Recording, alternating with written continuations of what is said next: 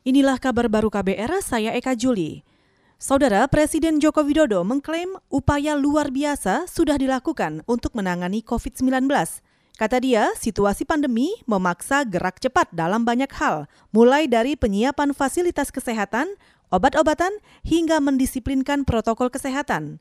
Menurutnya, krisis saat ini harus direspon dengan mempercepat reformasi fundamental sektor kesehatan.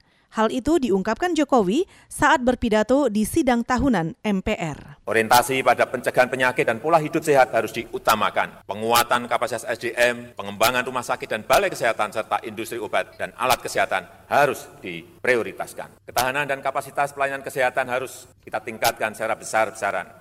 Presiden Jokowi juga mengklaim sudah bergerak melakukan pemulihan sektor ekonomi yang terdampak krisis kesehatan melalui berbagai bantuan sosial hingga stimulus usaha. Jokowi mengakui tidak mudah mencegah kemunduran ekonomi di tengah pandemi. Namun menurutnya, semua negara termasuk negara maju juga tengah terpuruk. Jokowi mengibaratkan perekonomian dunia seperti komputer yang sedang macet sehingga harus diatur ulang. Pada kesempatan yang sama, Ketua DPR Puan Maharani menuntut kinerja optimal pemerintah dalam penanganan COVID-19. Puan mengingatkan pemerintah diberi kewenangan besar, salah satunya lewat pengesahan undang-undang tentang kebijakan keuangan negara dalam rangka menangani dampak pandemi. Menurutnya, keselamatan rakyat harus menjadi prioritas utama pemerintah dalam mengambil kebijakan berbagai upaya dan kebijakan negara untuk menyelamatkan rakyat haruslah mendapatkan dukungan dari semua pihak.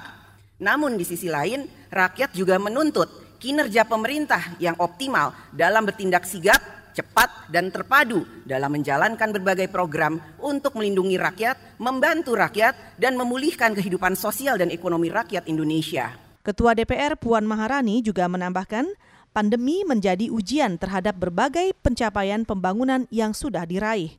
Menurutnya, banyak hal yang perlu dibenahi, misalnya dengan memperkuat sistem penanggulangan bencana dan regulasi untuk mencegah krisis. Saudara Direktur Utama Garuda Indonesia, Irfan Setia Putra, membenarkan adanya insiden keributan yang melibatkan Putra Amin Rais, Mumtaz Rais dengan Wakil Ketua Komisi Pemberantasan Korupsi Nawawi Pamulango. Dikutip dari antaranews.com, insiden itu terjadi dalam penerbangan rute Gorontalo, Makassar, Jakarta, Rabu kemarin.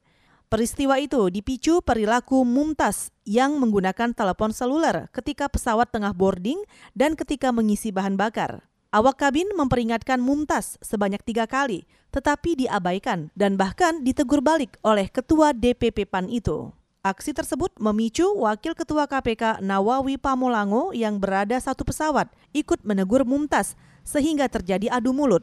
Irfan mengatakan peristiwa itu telah ditangani otoritas terkait. Ia memastikan akan mendukung pegawainya yang mendapat perlakuan tidak menyenangkan saat melaksanakan tugas. Selain itu, perusahaan tidak akan menoleransi segala bentuk pelanggaran aturan keselamatan penerbangan. Saudara, demikian kabar baru. Saya Eka Juli. Saudara, demikian kabar baru. Saya Eka Juli.